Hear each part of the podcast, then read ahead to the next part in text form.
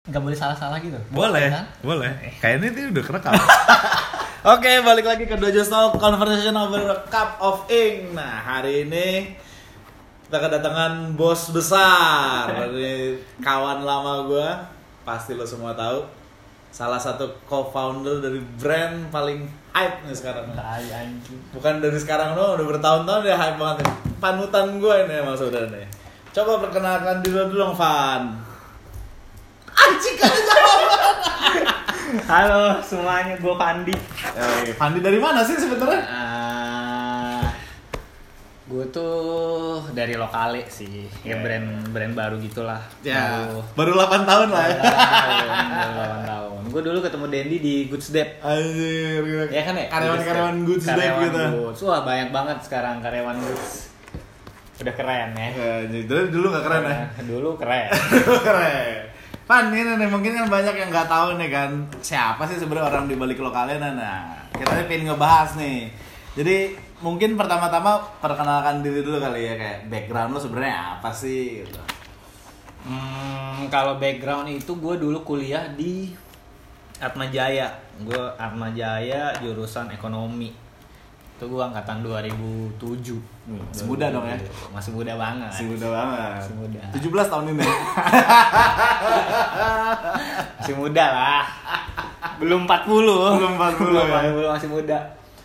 Terus waktu habis lulus biasalah anak kuliah Atma Jaya ekonomi ditawarinnya kerja di bank gitu Klasik lah ya. klasik lah Citibank lah gue pernah interview di Citibank Bank Panin kalau nggak salah gue lupa habis itu waktu itu dulu kan Goods Dep awal-awal kan banyak banget anak apa itu nih part time ya Part time. part time dari kampus Atma juga tuh Seksi dulu ya tuh part time di Good Stuff tuh Yoi, kayak anjing. wah keren, keren loh. banget.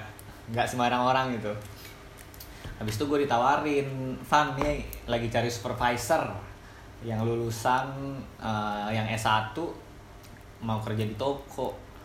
Terus gue bilang gue nggak punya background retail nih sama sekali. Gue nggak ngerti itu dulu combat lah, gue nggak ngerti kemeja bahasa Inggrisnya apa gitu kayak anjir ini apaan terus gue main ke tokonya terus gue lihat wah seru juga nih kayak dulu pertama kali Goods Dep itu masih ada jual uh, sepeda fiksi kalau nggak salah inget banget Zaman. PI itu ya? zaman PI terus dia jual jam-jam keren kayak Nuka terus uh, ada banyak banget brand lokal yang pertama kali gue lihat tuh PMP kalau nggak salah. Hand hand hand hand. hand hand. Itu legend juga tuh. Terus Legend. dulu Cotton Ink masih baru awal banget. Terus dulu Brodo juga masuk di Goods. Oh sempet ya? sempat sempat ada set cash kalau ingat itu brand lawas banget tuh set cash Podcast. ya udah akhirnya gue tertarik gue interview. Terima tuh gue di Goods Dep supervisor gue dari nol gue bener-bener gak tahu gue harus ngapain abis itu gue baru pertama kali masuk eh, sama Kak Sinta Oh, halo mbak. Halo Mbak Sinta, gitu udah. Itu gue disuruh jaga toko, udah gue ngelipat baju. Bener-bener dari nol gue ngelipat baju, gue ngelap meja. Itu tahun 2011, gue masuk bulan September. Jadi Goods udah buka 8 bulan kalau nggak salah. Ya dia 2010 buka pertama ya. Iya Desember 2010 tanggal 9 Habis itu ya udah gue belajar dari nol, gue belajar semuanya, gue belajar cari tahu nama bahan apa, gue cari tahu cara nyusun warna yang bagus di railing tuh gimana, gue liatin brand-brand orang. Akhirnya 2012 gue pingin banget punya brand, akhirnya gue bikin lah lokale ini sama Angga. Anjay. Itu juga dia dulu kerja di Goods juga. Goods connection lah ya. Goods Connection gitu cerita singkat Nah, awal mulai gitu ternyata. Terus kalau gue boleh tahu nih, si awal mulanya itu lokalnya emang udah dari awal positioningnya pingin kayak sekarang gitu, rebel gitu atau emang itu grow organically se- seiring berkembangnya lu juga gitu Van? Enggak enggak kalau dari awal sebenarnya enggak enggak kayak gini ya. Dulu itu ya kalau misalkan yang dibikin sih sama-sama aja. Kayak gue dari dulu bikin sweatshirt gue dari dulu udah beberapa bikin kaos gue udah bikin kemeja juga. Kalau dari itemsnya nggak berubah nggak berubah jauh lah. Tapi kalau dari brandnya iya sih berubah banget kan.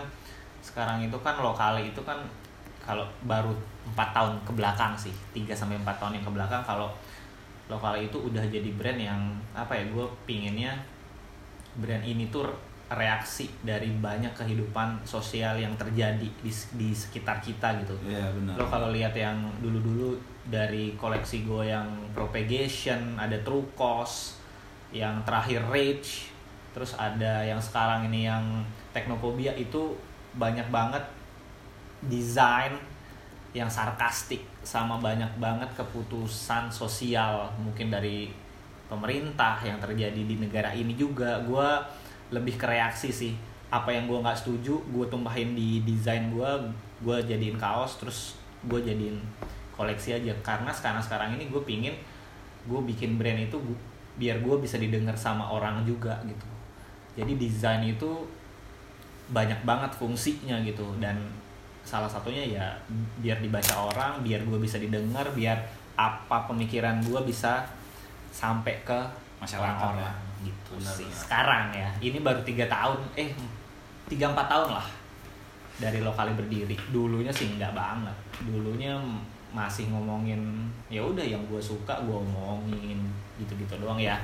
Semua brand berevolusi sih. Iya, pasti ada evolusi lah pasti ya. ada banget Kalau ngomongin ini masalah desain kan emang sekarang kan bisa dibilang kalau dari point of view gua kan lo emang kayak Iwan Fals-nya baju lah sekarang. Iwan Fals kan terkenal kan sama kayak kritik sosial. Terus kalau gua ngelihat koleksi lo kayak lo ngomongin True Cost, uh, koleksi yang waktu itu, terus lo sempet koleksi yang sebelumnya ngomongin Rage. Kayak Rage Against the Machine banget kan. Spiritnya kan ya lo ngomongin kayak Iya. gue nggak setuju nih gitu jadi lo kayak speak out eh speak up Iya benar. nah itu proses untuk ngehasilin desain kayak gitu tuh biasanya jalurnya gimana sih apakah ide datang dari lo atau kayak brainstorming rame-rame atau kayak gimana sih boleh ada ceritain nih ke kita kita semua nih Eh, jadi dulu itu gue tuh pingin banget sekolah fisik. Dulu pingin banget. Gue pingin banget sekolah ilmu politik. Cuman gak boleh. Aku jadi radikal Iya, takut jadi orang partai kan. gue gak boleh jadi orang partai dulu. Ngapain lu jadi orang partai gitu? Karena emang background bokap gue dulu pernah jadi orang partai. Ah, oke Jadi gue sedikit tahu lah. Nah, gue pingin banget. uh, Jadi orang visip. partai? Enggak. gue pingin banget uh, uh, kuliah di FISIP nggak boleh. Ya udah akhirnya gue masuk ke ekonomi. Cuman gue suka banget politik gitu. Gue suka sam As sampai sekarang. kayak suka ngeliat As- tapi nggak jadi As in gue kayak gue su- di Twitter gue yang gue followin aktivis gitu misalnya kayak Dandi Laksono, Oh. kayak Budiman Sujatmiko, gue sering nonton ILC, kayak gue sering nonton yang gitu gitulah, gue meng- mengikuti lumayan perkembangan politik di Indonesia gitu. Nah eh, dari situ biasanya mostly kalau ide yang mau diomongin apa ya dari apa yang terjadi di sosial di sosial kita aja sih. Cuman emang kebanyakan materinya gue yang cari gitu.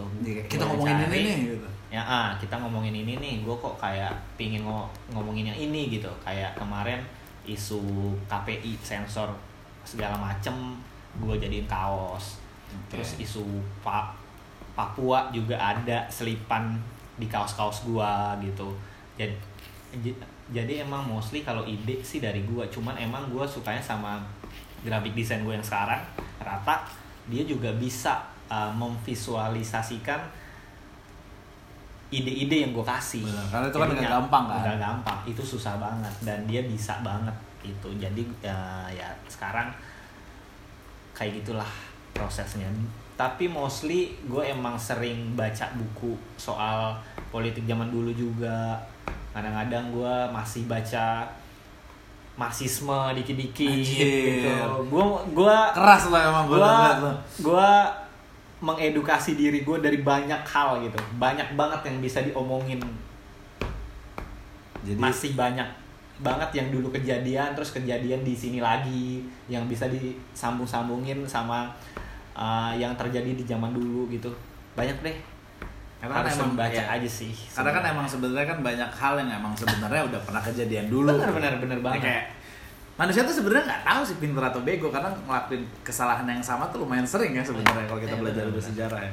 benar banget itu Ah, terus gue ini nih gue penasaran nih kan kalau lo kan start sebenarnya as in practitioner eh, staff di salah satu retail store di Indonesia yang lumayan respectful lah benar Bener kan? Terus lo bikin brand. Abis itu yang gue denger kan lo berkembang juga nih sekarang jadi punya tempat produksi. Itu gimana sih ceritanya lo bisa berkembang ke sana? Eh, sebenarnya kalau tempat produksi itu awalnya gue itu dulu sempat bikin kaos tuh di Bandung gue sempat bikin kaos di Bandung Eh, le- gue kan masih anak baru dulu jadi gue sempat ketipu tuh sama broker Maklar maklar maklar vendor. ya? maklar maklar tai itu kalau lo jadi maklar jangan tai lah gitu. gue kesel banget sama yang namanya broker Enggak, soalnya gue baru sadar juga ternyata tuh dulu gue sering banget ketemu orang sebenarnya maklar vendor. Iya. Jadi dia nggak punya tempat. bener bener Cuman ya modal menjajakan aja kayak Benar, benar. produksi di gua aja nih Benar ternyata banget. kayak waktu lu bilang kayak Mas mau main ke tempatnya bisa nggak nih? Waduh, tempatnya lagi penuh nih gitu. Oh iyalah soalnya bukan tempat dia ya kan. bener banget itu gue dulu ketipu sama orang ini puluhan juta atau gue lupa atau berapa gue ketipu. Akhirnya gue ketemu nih sama orang yang punya tempat. Nah, tuh ceritanya gue ketemu sama orang yang punya tempat. Dulu itu gue nggak kepikiran kayak eh, ngejadiin dia partner. As in si lokali kelar produksinya bagus. Ya udah dulu dia itu masih sebatas vendor gua doang. Akhirnya seiring berjalannya waktu nih orang amanah banget nih. Ah. namanya Kang Jabrik amanah banget. Dulu itu tempatnya masih kecil. Dan di Jakarta kan gue lumayan punya koneksi yang bagus. Akhirnya banyaklah orang yang fun gue mau bikin yang kayak lokalnya dong gitu. Nah akhirnya gue mulai tuh mulai nyari. Nggak nyari sih kayak gue mulai dicari orang buat bikin kaos kecil-kecilan. Nah dan dulu kan gue juga masih full time di goods kan. Jadi ini bener-bener bisnis sampingan gue doang. Bisnis sampingan ya udah. Gue dulu berarti as a broker juga. Hmm, sempet nih ya. sempet. Gue dulu broker baik tapi. Bukan broker broker bajingan. kalau broker bajingan DP dipakai dulu tuh. Anjing nggak dibeliin bahan emang bangsat. Itu dulu tuh kejadiannya. Gue juga gua- pernah ketemu Wah, bro- broker-broker banyak, yang wah hancur. banyak banyak banget deh yang DP dipakai bayar utang dulu bahan wah udah deh. Wah kacau sih. cerita cerita. Gak amanah emang. udah, udah deh nggak amanah. Habis itu si Jabri gede kok akhirnya dari si sampingan ini dia dulu cuman du- punya dua meja sablon tuh. Cuman punya dua meja sablon lama-lama karena order gua jadi empat akhirnya gua ajak lah dia berpartner. Sampai sekarang nih akhirnya sampai sekarang gue berpartner sama dia jadi semua yang dia kerjain itu ordernya dari gue semua Oh. gue yang nyariin order sekarang udah jadi bukan bisnis sampingan lagi jadi justru bisnis- konveksi bisnis utama Oh, sekarang iya. pabrik Cashco lah. Yoi, jadi ya udah sampai sekarang intinya tuh gue pingin orang gue nggak pingin orang yang baru bikin brand ketipu Iya iya. jadi sekarang mungkin gue belum kapasitas gue belum segede itu ya. Nanti kalau udah gede gue pingin orang-orang yang baru bikin brand nggak nggak mengalami hal yang gue alamin gitu. Gue pingin orang-orang baru yang bikin brand udah lebih banyak uh, tempat sablon yang bagus, tempat jahit yang bagus, yang lo nggak ketipu sama si broker. Dan gue tuh pingin banget punya cita-cita, gue pingin bikin festival, cuma isinya vendor semua. Ah, Oke. Jadi lo bener-bener ketemu sama vendornya dan kita ab- kita dan pangkas tuh abisin broker. nih broker-broker yang gak jelas. jadi itu bikin ekosistem industri di sini itu jadi bagus Ya, lebih sehat lah ya. lebih sehat dan harganya juga bisa lebih oke jadi lo nggak ada lagi tuh yang bikin kaos kena 100 ribu gitu. Tiba-tiba kayak buset kasihan banget ya kan? Intinya lo kalau udah dari costing lo mahal lo mau jual berapa Bener. kaosnya? Kalau nggak laku vendornya eh brandnya mati. Bener. orderannya nggak balik lagi. Ya, itu kan ngebikin kita orang-orang- jaga benar. ekosistemnya aja gitu buat si lokal brand ini biar gede terus gitu sih sebenarnya. Karena ya ngomongin masalah cost gitu ya kan orang yang ada jiper duluan kan. Iya, jiper Kayak wah anjir mahal banget. benar Benar, emang harus dipotong sih emang maklon-maklon ini. benar benar Setuju gue kalau masalah itu. banyak yang baik cuman yang jahat jauh lebih banyak jadi pingin banget tuh nanti gue bikin festival gitu isinya vendor semua kan selama ini kan brand kan Iya, brand. nah ini tuh vendor lo bisa nanya langsung ke yang punya lo bisa lihat live screen kecil-kecilan dari semuanya. Lo bisa cari yang mana yang lebih cocok sama lo kan lo milih vendor itu kan kayak lo milih pacar juga. Setuju. chemistry-nya itu harus Benar. ada gitu. Gue sekarang di lokalnya gue sampel udah nggak pernah dikirim ke Jakarta lagi. Semuanya by foto. Karena gue udah percaya banget. Dia udah tahu yang gue mau kayak gimana. Placement desain gue yang kayak gimana dia udah tahu semua tuh. Iya. jadi ngebangun chemistry itu yang susah banget dan itu bertahun-tahun sih Ya kan karena kan lo harus tahu dulu sekali dua kali dulu. Gue kalau dari pengalaman gue dulu sekali bagus biasanya. Dua kali nih agak mulai. Tiga kali ketipu banyak juga tuh gitu Bener, Banyak. aja Awal pinter bagus, Makalnya iya. pinter juga. Pinter. Jadi sekali dikasih enak dulu kan. Ya, orang Jawa tuh pinter-pinter semua kacau emang bener. Setuju gak masalah itu? Yang gua ketipu juga pertama gitu. bagus wah bagus kedua anjing hilang tai banget banget Soalnya kan gini kan, orang tuh mungkin dia juga tahu. Pertama kali kan lo ngetes dulu kan. Iya. Kalau udah bagus, gue siap nih ngeluarin duit gede nih. Iya, bener. Terbang deh dia Bener. ke Tianmen. Ya, gitu deh. ke itu Tiongkok. dulu gua ketipu 2016 ya Mal, masih baru dong sebenarnya. masih baru Masih baru ya. tiga tahun Itu tempat konveksi lu tuh udah berapa lama? Si MGMT ya? oh kalau si MGMT itu sebenarnya namanya dari Ilham Ah. ada deh partner gua Eh, namanya dari dia cuman emang gue yang pakai sekarang nih namanya Saya nggak nggak Iya, selek ya, nggak selek ya. Enggak loh. Gue orderan gue banyak dari Oh, Ilham, dari banyak Ilham banget. banyak. Bos gue juga itu. ya udah akhirnya si MGMT itu berarti mulainya setelah gue setelah gue ketipu itu Setelah 2016. Berarti 2016 ada Itu 3 tahun. ketipu gede banget. Ah, Pusing dong waktu itu. Buset dah, Panas dalam. Pusing lagi. Orang miskin ini ketipu lagi. pusing banget anjir. Udah miskin ketipu, mending kaya ya udahlah. Iya iya. Wah, iya. pusing banget itu. Wah, tuh waktu itu sempat kepikiran gak anjing apa gue berhenti aja ya? Berhenti enggak? Itu dulu kan gue inget banget itu orderannya lokale pas lebaran. Ah, Oke. Itu pas lebaran. Wih itu baru duit gede itu. Iya makanya. Le- lebaran gue nggak punya barang.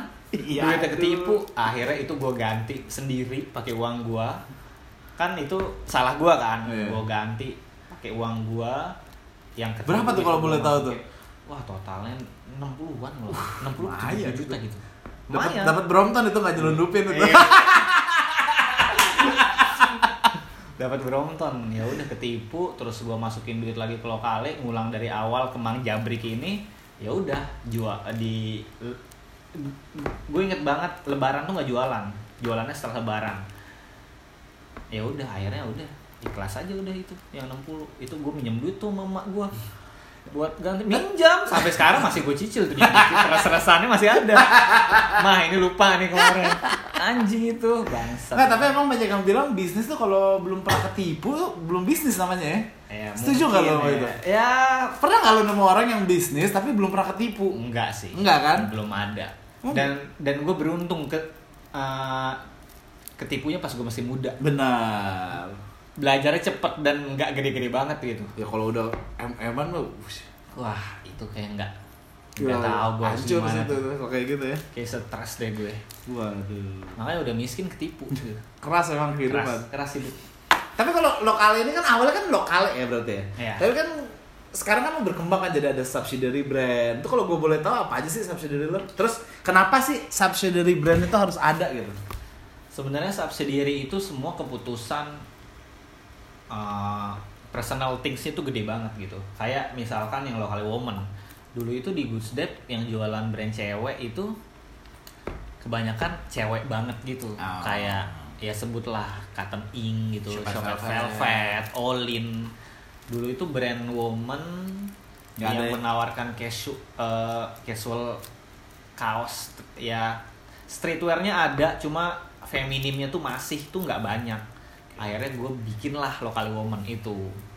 Itu tahun 2016 tuh. Kalau nggak salah gue bikin si local woman sempat vakum dulu setahun. Akhirnya 2019 ini gue mulai lagi.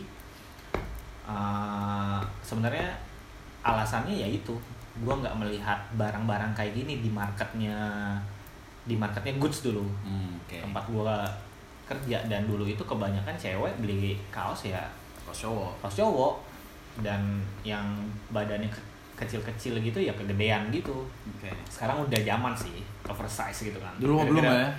belum Dulu gue bikin kaos pakai plastik gue dulu bikin kaos pakai plastik sol dibilang sablonannya kasar banget. eh banyak Sekarang aja pengennya kasar. Terus- habis nonton ini dia, uh, Fifty Shades of Grey. sekarang baju gombrong-gombrong tuh gara-gara Billie Eilish tuh Billie Eilish ya. Yoi, keren. Habis itu kalau yang LOC itu emang dulu itu gue pi pingin banget bikin brand yang agak ribet. Eh, karena itu dulu kan si lokalnya kan gue udah punya vendor yang gampang, jadinya bikin brand itu bikin kaos itu kayak anjir gam- gampang gitu kayak Gak mikir lah ya. nggak mikir kayak perputarannya cepet banget kaos jadi sablon desain ma- masuk ke sampel dijual di toko tuh paling waktunya cuma satu sampai satu setengah bulan kelar gitu nah gue nggak menemukan Kurang challenge kali ya. kurang challenge akhirnya gue bikin lah si LOC ini yang emang ada beberapa items yang nggak bisa dibi- dibikin di lokale Iya. Ka- karena kan lokal itu kan setahun itu ngeluarin koleksi 2 sampai 3 dan itu kalau mau develop sesuatu itu nggak bisa susah banget. Nah akhirnya gue bikin lah si LOC ini. Gue ajak Brian temen sekampus gue dulu di Atma. Sekarang udah jadi keren lah udah. Tenar ya. udah tenar. Brian Brian besok gue ajak Ezra juga itu dulu temen gue di Goods Dep juga. Se- sempet di Goods lah sempet ngantor di Goods. Akhirnya gue ajak lah bikin brand yang emang uh, perlu waktu lebih lama untuk ngedevelopnya. Cuman emang ya gimana caranya idealisme bisa ketemu sama komersialisme di LOC itu. Kalau lokal ya udah bisa dibilang mesin aja sih. Udah dia mesin buat ya. cari duit aja gitu. Tapi tetap masih dijaga banget cuman emang perputaran koleksinya kan di lokalnya cepet banget. Makanya gue nggak bisa tuh bikin hal-hal yang developnya lumayan lama. Akhirnya gue bikin lah CLOC ini. Untuk memenuhi kehausan lo terhadap eksperimental lah iya ya. masih masih itu. Gitu. Eh, LOC baru setahun kok. Baru setahun ya? 2000 eh, 2018 eh Bukan dua 2017 2017 2017 akhir waktu itu. Ingat banget gua Baik, 2 tahun lumayan lah ya. Kalau yang satu lagi perennial gimana perennial? Perennial itu brandnya Komsta sih gue cuman ngebantuin doang karena Komsta itu gue nyambung banget tuh nyambung banget sama dia dan dia punya scene yang roots yang gede banget dan ya itu aja sih gue nyambung banget terus scene-nya gue suka banget gue sejujurnya sepatu-sepatu gue sepatu skate semua nih Oh. Gue dari dulu kalau yang tahu gue udah lama gitu mantan mantan gue tahu sepatu gue sepatu ini mantan gak di shout out satu-satu nih? enggak tahu banget gitu gue gue suka banget shaping sepatu skate kayak half gitu kayak dulu gue sering beli Eric Custom gitu gitu cuman emang gue nggak terlalu jago main gitu Gue gue takut luka soalnya. iya gue takut lah takut patah Patah Iya hati. lah. Tapi patah tulang. Akhirnya gue ketemu Komeng di scene itu gue kayak wah ini seru banget sih. Akhirnya gue ngebantuin dia sih. Jadi Komeng masih tet Komeng itu foundernya si si Perennial itu gitu. Cuman emang gue suka banget sama scene-nya. Gue lumayan suka sama fashionnya skate gitu kan kan skate kan sekarang ya semua brand skate lah, skate iya, gitu kan Iya, benar benar. streetwear ya skate kalau kata si Komeng itu skate itu tuh apa ya rohnya streetwear kali ya Bisa jadi bisa dibilang sih. Perennial nggak mau dibilang streetwear brand Oh. nggak mau Skate Dia brand. brand Oke. itu gue belajar dari si, suhunya tuh Cuman berarti kalau Perennial itu skate brand fun Perennial bukan streetwear Cuman berarti emang kalau di, di diperhatiin dari tadi emang hampir semuanya tim lo itu emang anak-anak goods ya. Nah, ini kalau bisa gue bilang 90% tuh. Ini menarik nih. Kenapa semuanya anak-anak goods gitu? Gua orang yang nggak suka banget sama orang lelet gitu, yang pace kerjanya tuh kayak Slow lah ya. slow gitu. Nah, kenapa anak-anak goods? Karena kita dididik di fakultas yang sama gitu. Ah. Kita dididik di universitas yang sama. Kita punya bos yang sama dan semuanya dididik seperti itu kan. Goods kan dulu kan company baru ya. Iya. Company baru banget ya. Yalah dulu siapa sih yang percaya Goods bakal bisa segede ini gitu. Bisa punya di tujuh mall besar di Jakarta gitu jadi dulu itu pas gua masuk ke Goods ya gua ngerjain semuanya bener-bener gua ngepel Berapa gua- lama lo ya? gua tujuh setengah tahun total di Goods ya hampir 8 tahun Hampir 8 tahun ya.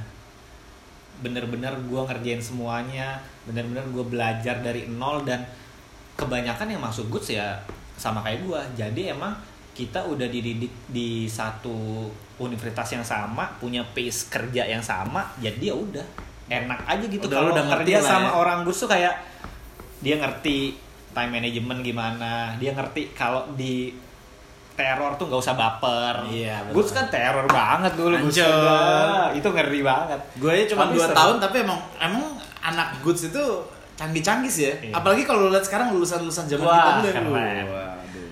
ada satu Tovan sekarang udah di Visinema tuh bikin film Fot- Fotoin cewek pakai bikini Iya. mulu lu. ada ya.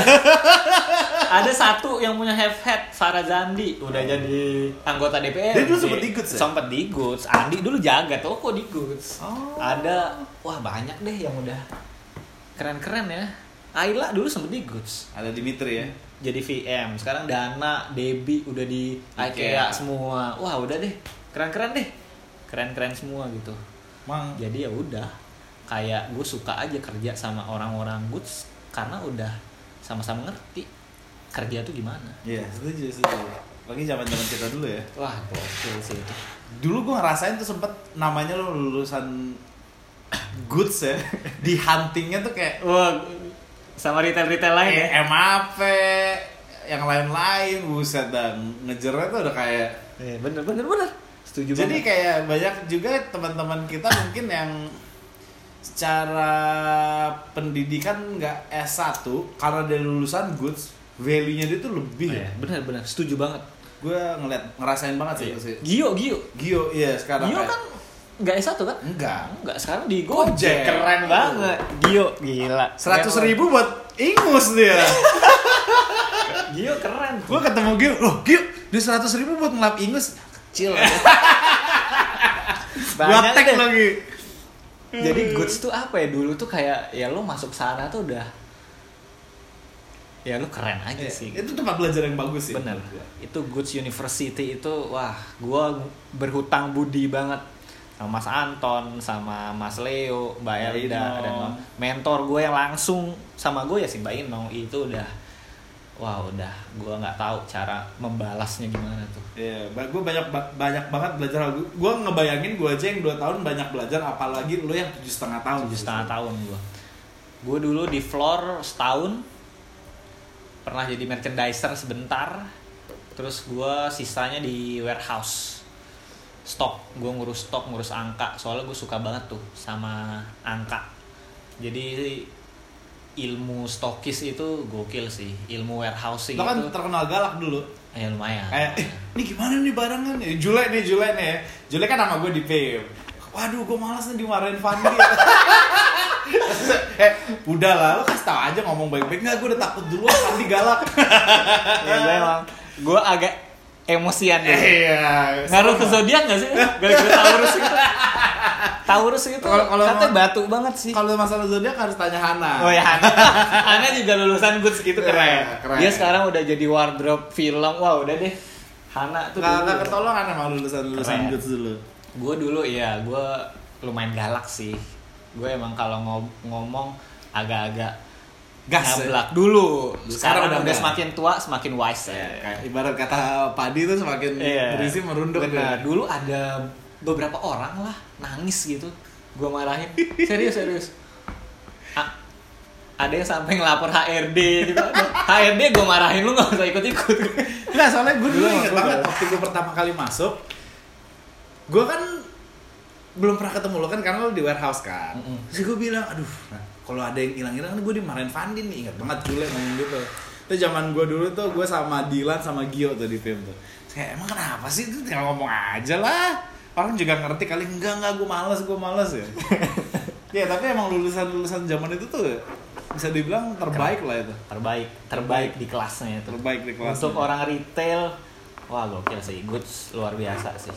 Dia shaping culture kayak dia ngebuka jalan untuk brand-brand independen bisa jualan di mall dan itu visi yang luar biasa banget dan terbukti sekarang brand-brand lulusan goods juga udah ngeri-ngeri banget. Cakep-cakep ya. Cotton Ink sekarang lu lihat aja tuh. Toko udah di mana-mana di mall.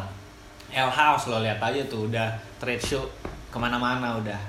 Wah, banyak deh PMP itu brand-brandnya awal PMP Old Blue punya Yayax itu udah keluar negeri juga udah ke mana-mana.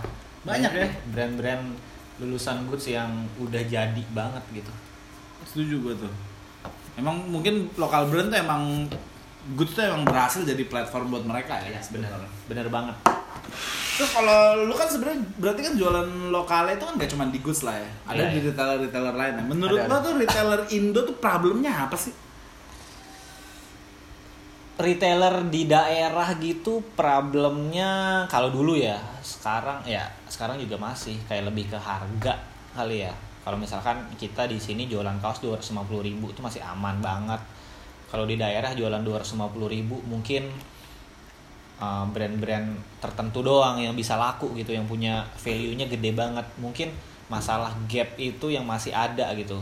Jadi kita nyari harga yang pas untuk bisa dijual di ibu kota dan dijual di daerah itu masih harus ngulik banget. Cuman emang sekarang di daerah pun daya belinya udah lumayan Main kuat naik lah ya. juga gitu cuman emang tahun lalu kali ya re- retail kan emang agak goyang dikit gitu Ya, ekonomi secara ekonomi keseluruhan. secara kali ya. keseluruhan jadi emang mm, kalau yang bisnis brand gitu ya lo harus jaga banget stok jangan sampai o- overstock dead stock itu harus dijaga banget bikin yang pas gitu yang yang penting aman deh Ya, masalah forecasting lah masalah ya. forecastingnya harus ini gitu aja sih kan toh sekarang di daerah kan pasti kiblatnya ke Jakarta. Jakarta gitu dan banyak banget dari yang dulunya apa ya ya bisa dibilang distro gitu kayak ngerubah tokonya jadi konsep store ya gara-gara Goods Dead juga gitu Benar.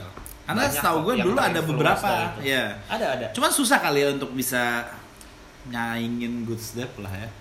enggak kayaknya enggak untuk saingan kali ya kalau nyaingin untuk segede Goods kalau toko lokal gue nggak tahu sih mungkin ada yang bisa tapi mungkin enggak ya toh Goods kan awalnya juga dari Brightspot Ya, Market kan awalnya Brightspot dari Market sekarang udah hampir 10 tahun lebih dan udah masif banget gitu jadi ya kalau mau nyaingin kayaknya Butuh waktu lama. usah kali ya. Setuju, jadi setuju. partner aja kali ya enak gitu ya. Zaman sekarang kan kolaborasi aduh. Wah. Gak usah punya musuh deh. Setuju Jangan sekarang ya.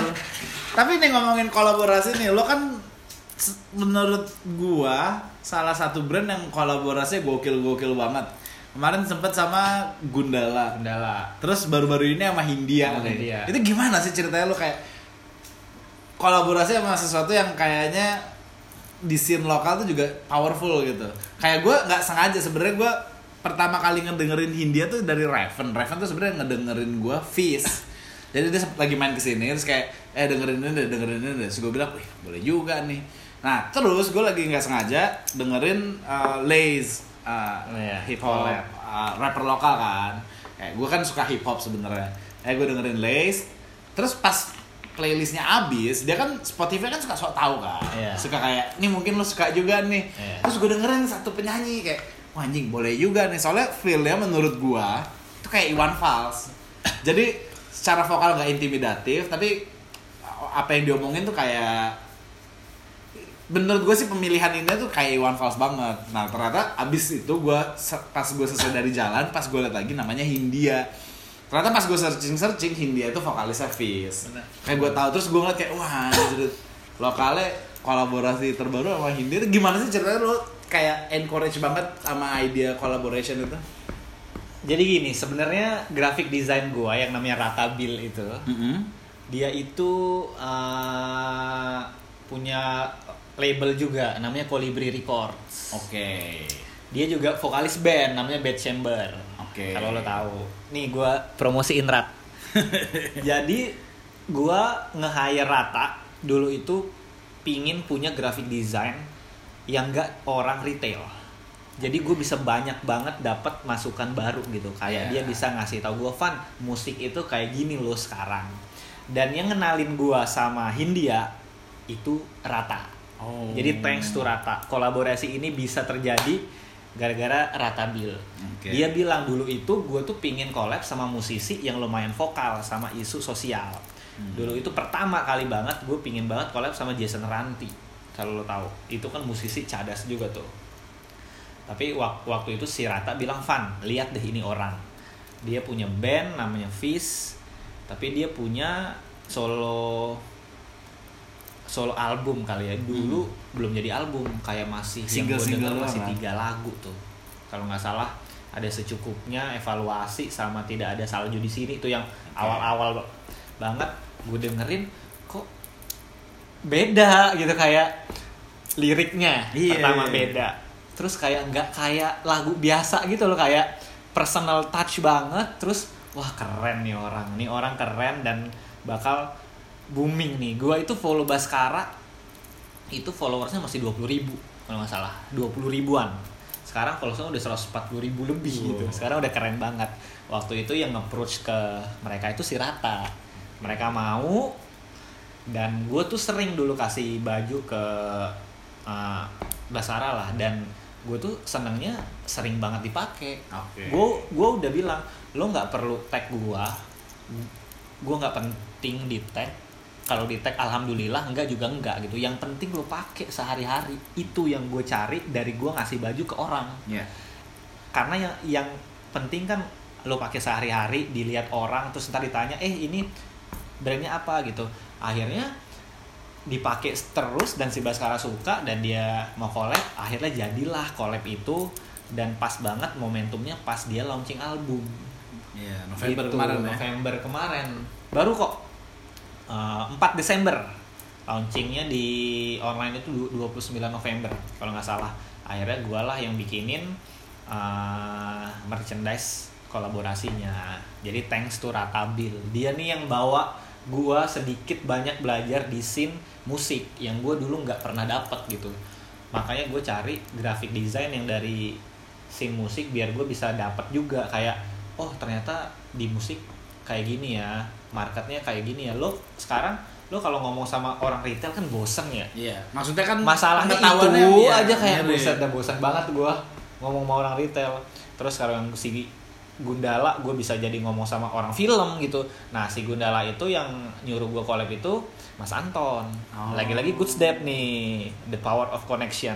Mas Anton nelpon gue Van si Gundala mau cari brand nih buat collab sama mereka buat nge-grab marketnya good step. Oh. gue ditelepon jam 9 malam tuh sama Mas Anton. Gue inget banget lo mau nggak? Lo kali wah serius mas.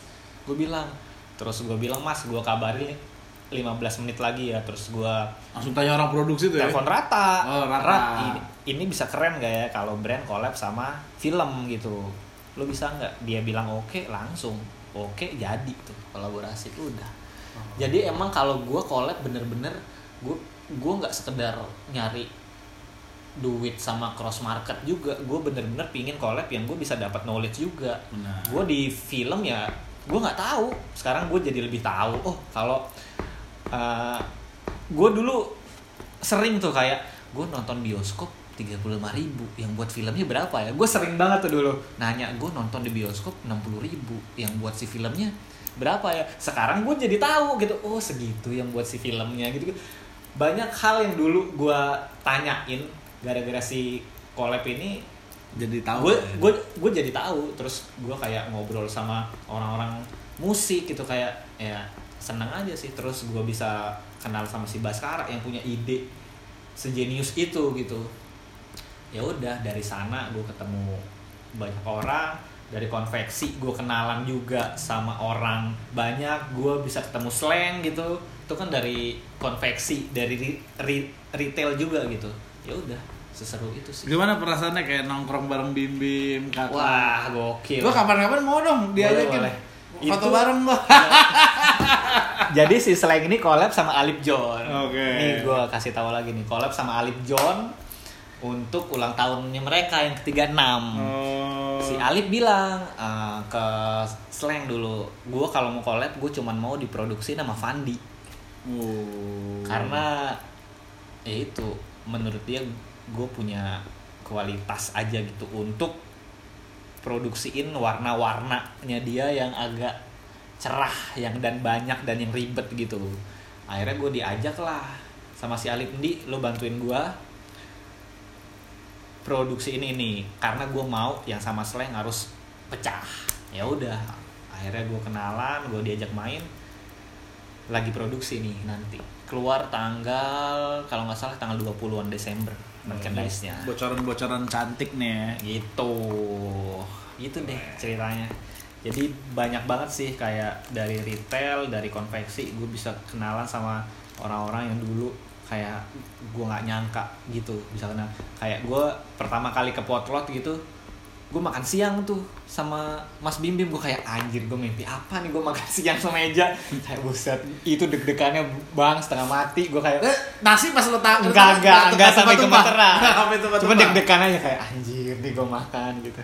Mas seru banget sih Humble, humble lah ya. Humble, humble. Gue tuh berapa kali punya kesempatan ketemu Bim Bim gitu, tapi gue mau nyapa tuh kayak Tau gak sih auranya tuh udah kayak segan banget Wah ini kayak apalah gue anjir datang ke sana ngajak foto segan banget Kacau, kacau, kacau. Nah, gue pengen nanya nih.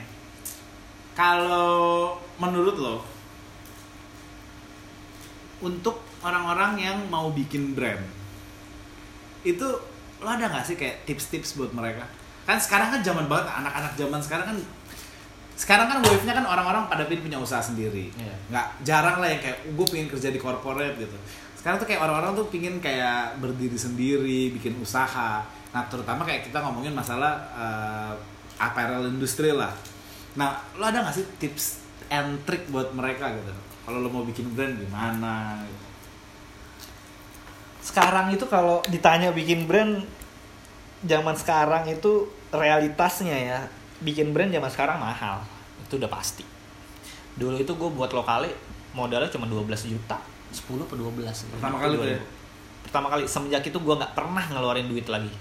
Itu duit pertama dan terakhir gue yang gue invest di lokale dan sisanya gue muterin cash flow gue cuma 12 juta nggak bohong nih sekarang lo 12 juta dapat franchise pinggir jalannya kayak enggak gitu Bikin kaos cuma dapat berapa biji tuh ya, ya sekarang? ampun cuma dapat 200 piece kali ya bikin brand realitas zaman sekarang itu mahal iya karena emang lo udah disuguhin sama infrastruktur media yang gede banget gitu lo mau marketing lo tinggal ke Facebook Ads, Instagram Ads, lo bayar agency. gede, lo dapet.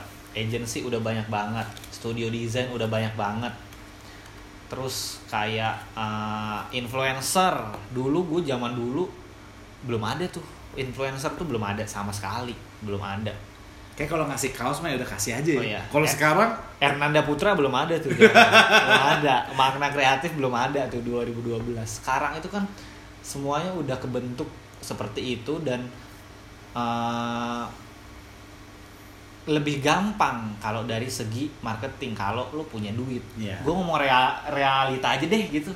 Sekarang bikin brand kayak lo punya modal 60 juta aja tuh masih dikit menurut gue kayak ya lo jadi apa? Gitu kan. Sekarang brand udah banyak ya lo harus harus lo stand out banget lo harus outstanding banget. Lo nggak boleh jadi brand yang mediocre gitu. Lo har- lo harus hire graphic design yang keren. Lo harus punya partner-partner yang yang gaul skena gitulah. Ya lo nggak murah. Nggak murah dan itu realitasnya gitu. Gue nggak mau muluk-muluk lah. Yang penting lo ini kecuali lo orang yang punya ide luar biasa. Mungkin lo bisa memulai bisnis tanpa duit. Mungkin. Dan itu Kalau juga hustle ya. banyak iya. Kalau lo nggak punya duit banyak ya ada lo sekarang orang bikin brand punya modal 300 juta tuh ada banget ada banget. Dan, gue tahu tuh orang-orangnya kayak modal bikin brand 300 juta ada yang miliar juga ada ada banget itu. Jadi ya kalau nomor satu sekarang ya lo nggak muluk-muluk ya lo harus punya duit.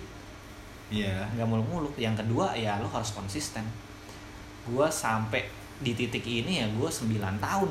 Gue dari nggak ngerti apa pun sampai gue percaya ini industri yang menghasilkan ya harus konsisten aja. Bosen boleh wajar banget. Cuman ya udah balik lagi kayak lo harus selalu cari cara untuk nge- ngehilangin kebosanan lo gitu. Kayak biar lo terus berkarya terus terus aja bikin desain bikin ini itu. Bosan sih wajar. Makanya itu kolaborasi itu penting. Biar lo tahu scene lain yang bisa bikin lo terus dapat ilmu yang bisa bikin lo nggak bosan di scene lo yang asli gitu sih kalau tip tips and trick nih gue sering ngomong di banyak kesempatan gitu ya kan gue sering jadi pembicara gitu Wets. lumayan lah Main lah ya. nggak dibayar tapi Nah, kenapa? for free For ilmu free. itu harus disebarkan Waduh. gue sering iya. bilang gitu banyak banget sekarang orang yang ngerasa dirinya gagal kalau nggak punya bisnis Hmm. banyak banget kayak pas gue gagal nih gue harus bisnis. Nggak kayak gitu sih kayak sekarang gitu gue pernah ketemu orang baru kenalan nih baru salaman. Pandi pas gue duduk bisnis apa bro? Langsung ditanya gitu gue kayak buset dah.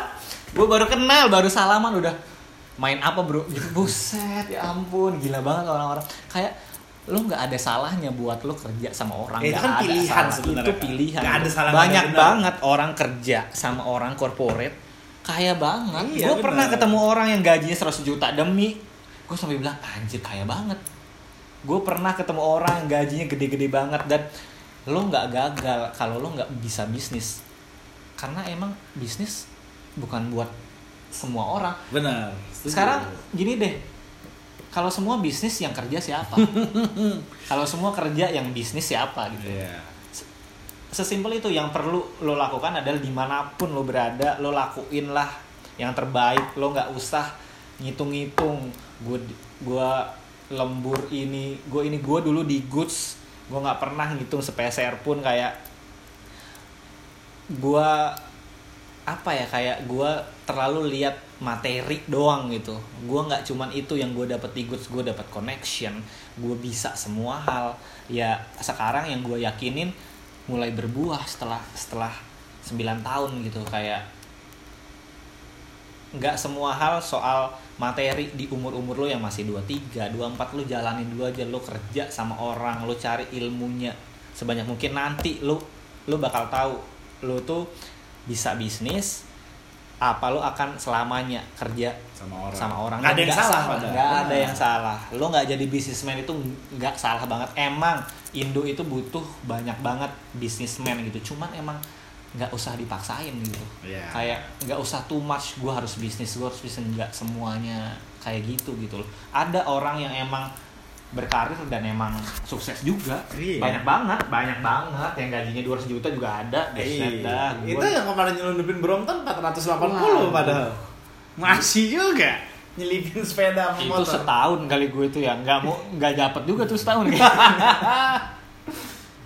Jadi ya gitu. Cuman emang ya lo kalau bisnis ya lo uh, adalah perasaan lebih kayak dari awal gimana strugglingnya gimana. Gue kan emang bener-bener dari nol banget tuh.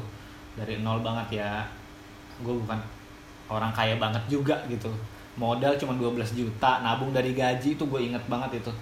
Jadi ya ada rasa yang beda lah yang nggak lo dapetin di tempat lo kerja. Cuman emang nggak salah juga gitu. Soalnya nggak semua orang harus berbisnis nggak buat semua orang gitu. Setuju. cuman emang di mana pun lo kerja lo harus kasih yang paling bagus lo harus kasih yang 100% lo harus konsisten. Nggak bo nggak boleh sering-sering ngeluh. Itu aja sih. Gue jadi kepikiran ide sih abis ngobrol sama lo. Mungkin next time gue bakal kumpulin alumni good sekali ya. wah seru Kita ngobrol rame-rame kali ya. seru seru Nah, Goods baru ulang tahun tanggal 9 Desember pingin banget tuh reuni kumpulin alumni goods kita ngobrol dulu suka duka Iya. suka duka yang yang gua nangisin siapa tuh gue lupa mungkin dia bisa Jule kali salah satunya. Jule nggak sampai nangis kali ya kesel doang gitu Eh, Dendam mungkin. wah seru tuh kalau dikumpulin tuh alumni goods sekarang udah kerja di mana Iya gitu. emang tapi emang banyak banget ya Wah, banyak. lulusan-lulusan itu Banyak, yang. Banyak pak happening lah gitu. banyak banget banyak banget lulusan goods future 10 juga Iya, Dipa Barus Dipa itu Barus. future 10 Pasti. itu dulu magangnya sama Mas Anton itu Jadi orang-orang ngehit semua ya. Gokil, Oh perlu kita kayak hubungin Mas Anton kali. Mas Anton nih. wah kalau bisa reuni seru banget itu Siapalah gua mau wawancarain Mas Anton. Anyway, sebelum kita akhiri perbincangan seru kita nih karena Bos Fan ini sibuk nih. Eh, bisa nggak nih kita tahu nih sedikit nih untuk what's next for lokale? What's next? Hmm, kayaknya mau distabilin dulu aja sih. Tahun depan gue belum tahu. Cuman tak tahun depan gue udah ada rencana collab sama satu orang untuk ulang tahun nih lokali. Lokale ulang tahunnya kapan sih? Agustus. Oh, Oke. Tanggalnya gue nggak tahu. Lupa. Agustus lah ya. Agustus. Itu pertama kali koleksi gue launch tuh di Agustus. Gue akan ada satu kolaborasi untuk fix di Agustus nanti. Gue belum mau kasih tahu siapa. Cuman ada deh seniman temen gue juga gitu. Ntar kita lihat aja sama yang lainnya kalau lokal woman sama CLOC mau stabilin dulu aja mau stabilin terus kalau konveksi gue mau terus nambah kapasitas biar banyak brand-brand yang kebantu sama gue biar banyak brand-brand yang bisa produksi tanpa ketipu biar banyak, lah ya. iya, biar banyak brand-brand yang uh, bisa tahu kualitas yang bagus tuh kayak gimana gitu kayak sablonan yang bagus. Karena gue selalu bilang lo kalau bikin di gua lo nggak cuma produksi lo gua edukasi juga. Soal soalnya banyak banget orang mau bikin brand nggak tahu bahkan combat pun nggak tahu itu apa kayak lu sebelum bikin brand ya lu Google dulu lah Iya, ya udah gampang gila, sekarang ya. banget lu Google Gue juga sering nemuin kasus kayak gitu. lu cari tahu combat itu apa sablonan plastisol itu apa discharge itu apa kayak misalkan DTG itu yang kayak gimana gitu-gitu kayak ya ampun itu di Google udah banyak banget kayak lu mau bikin brand lu jangan Niat dikit, no- Ki. iya. Katanya mau jadi entrepreneur ya baca doang males jangan jangan dan itu yang gue bilang kayak lo kalau bikin di gua ya lo banyak gua kasih ide-ide gu- gua juga. Kayak misalkan sesimpel placement yang bagus di mana gitu-gitu doang. Kayak size chart gua bisa lo gua kasih juga. Kayak nggak peduli lo brand baru brand lama kualitas itu bukan buat di rahasiain ya. saingan Iya, menurut benar. gua lo kalau mau saingan sainganlah di marketing sainganlah di branding kualitas itu buat semua orang buat brand baru buat brand lama sama aja semua lokal brand Indonesia harus bikin yang berkualitas even lo harus bikin kaos kaos pun harus bikin yang bagus jadi e- ekosistemnya ada apresiasi masyarakat pun bagus gitu Benar. itu doang sih Ya kita emang harus unite sih kalau mau nembus pasar internasional ya. bener-bener sekarang udah banyak banget brand yang internasional mah Ya udah udah mulai udah mulai banyak udah ya. mulai dan pemerintah pun mendukung di Backcraft gitu-gitu ya udah oke lah Oke nih kalau gini nih. Berarti brand-brand ataupun orang yang mau bikin brand bisa produksi di tempat lo ya. bisa datang ke dojo aja Promosi gratis dong. iya ke dojo ini tuh ini gue lagi ngobrol di depan alat sablon nih rotari gitu. Lo bisa ke dojo ini keren juga nih kliennya ngeri ngeri gitu. Ya, Lo bisa ke dojo lo dojo buat yang di Jakarta. Kalau lo mau produksi di gua bisa juga lo ke Instagramnya aja mgmt Nah, mgmt.production cek. Instagram kalau bagi Iya. kalian yang mau produksi bisa. bisa. Bisa ke dojo juga nih. Ini yang punya temen gue juga nih Dandi Lulusan mana? lulusan Gusde Gusde semua ini Gus University ibaratnya Gus tuh kayak eh, kayak Stanford kali ya Mungkin yang ya. lulus keren-keren Ya, gitu kali. lulusan anak-anak retailnya tuh Iya, funky-funky. benar benar retailnya Gus keren ya gitu deh Oke kalau gitu thank you udah dengerin. See you.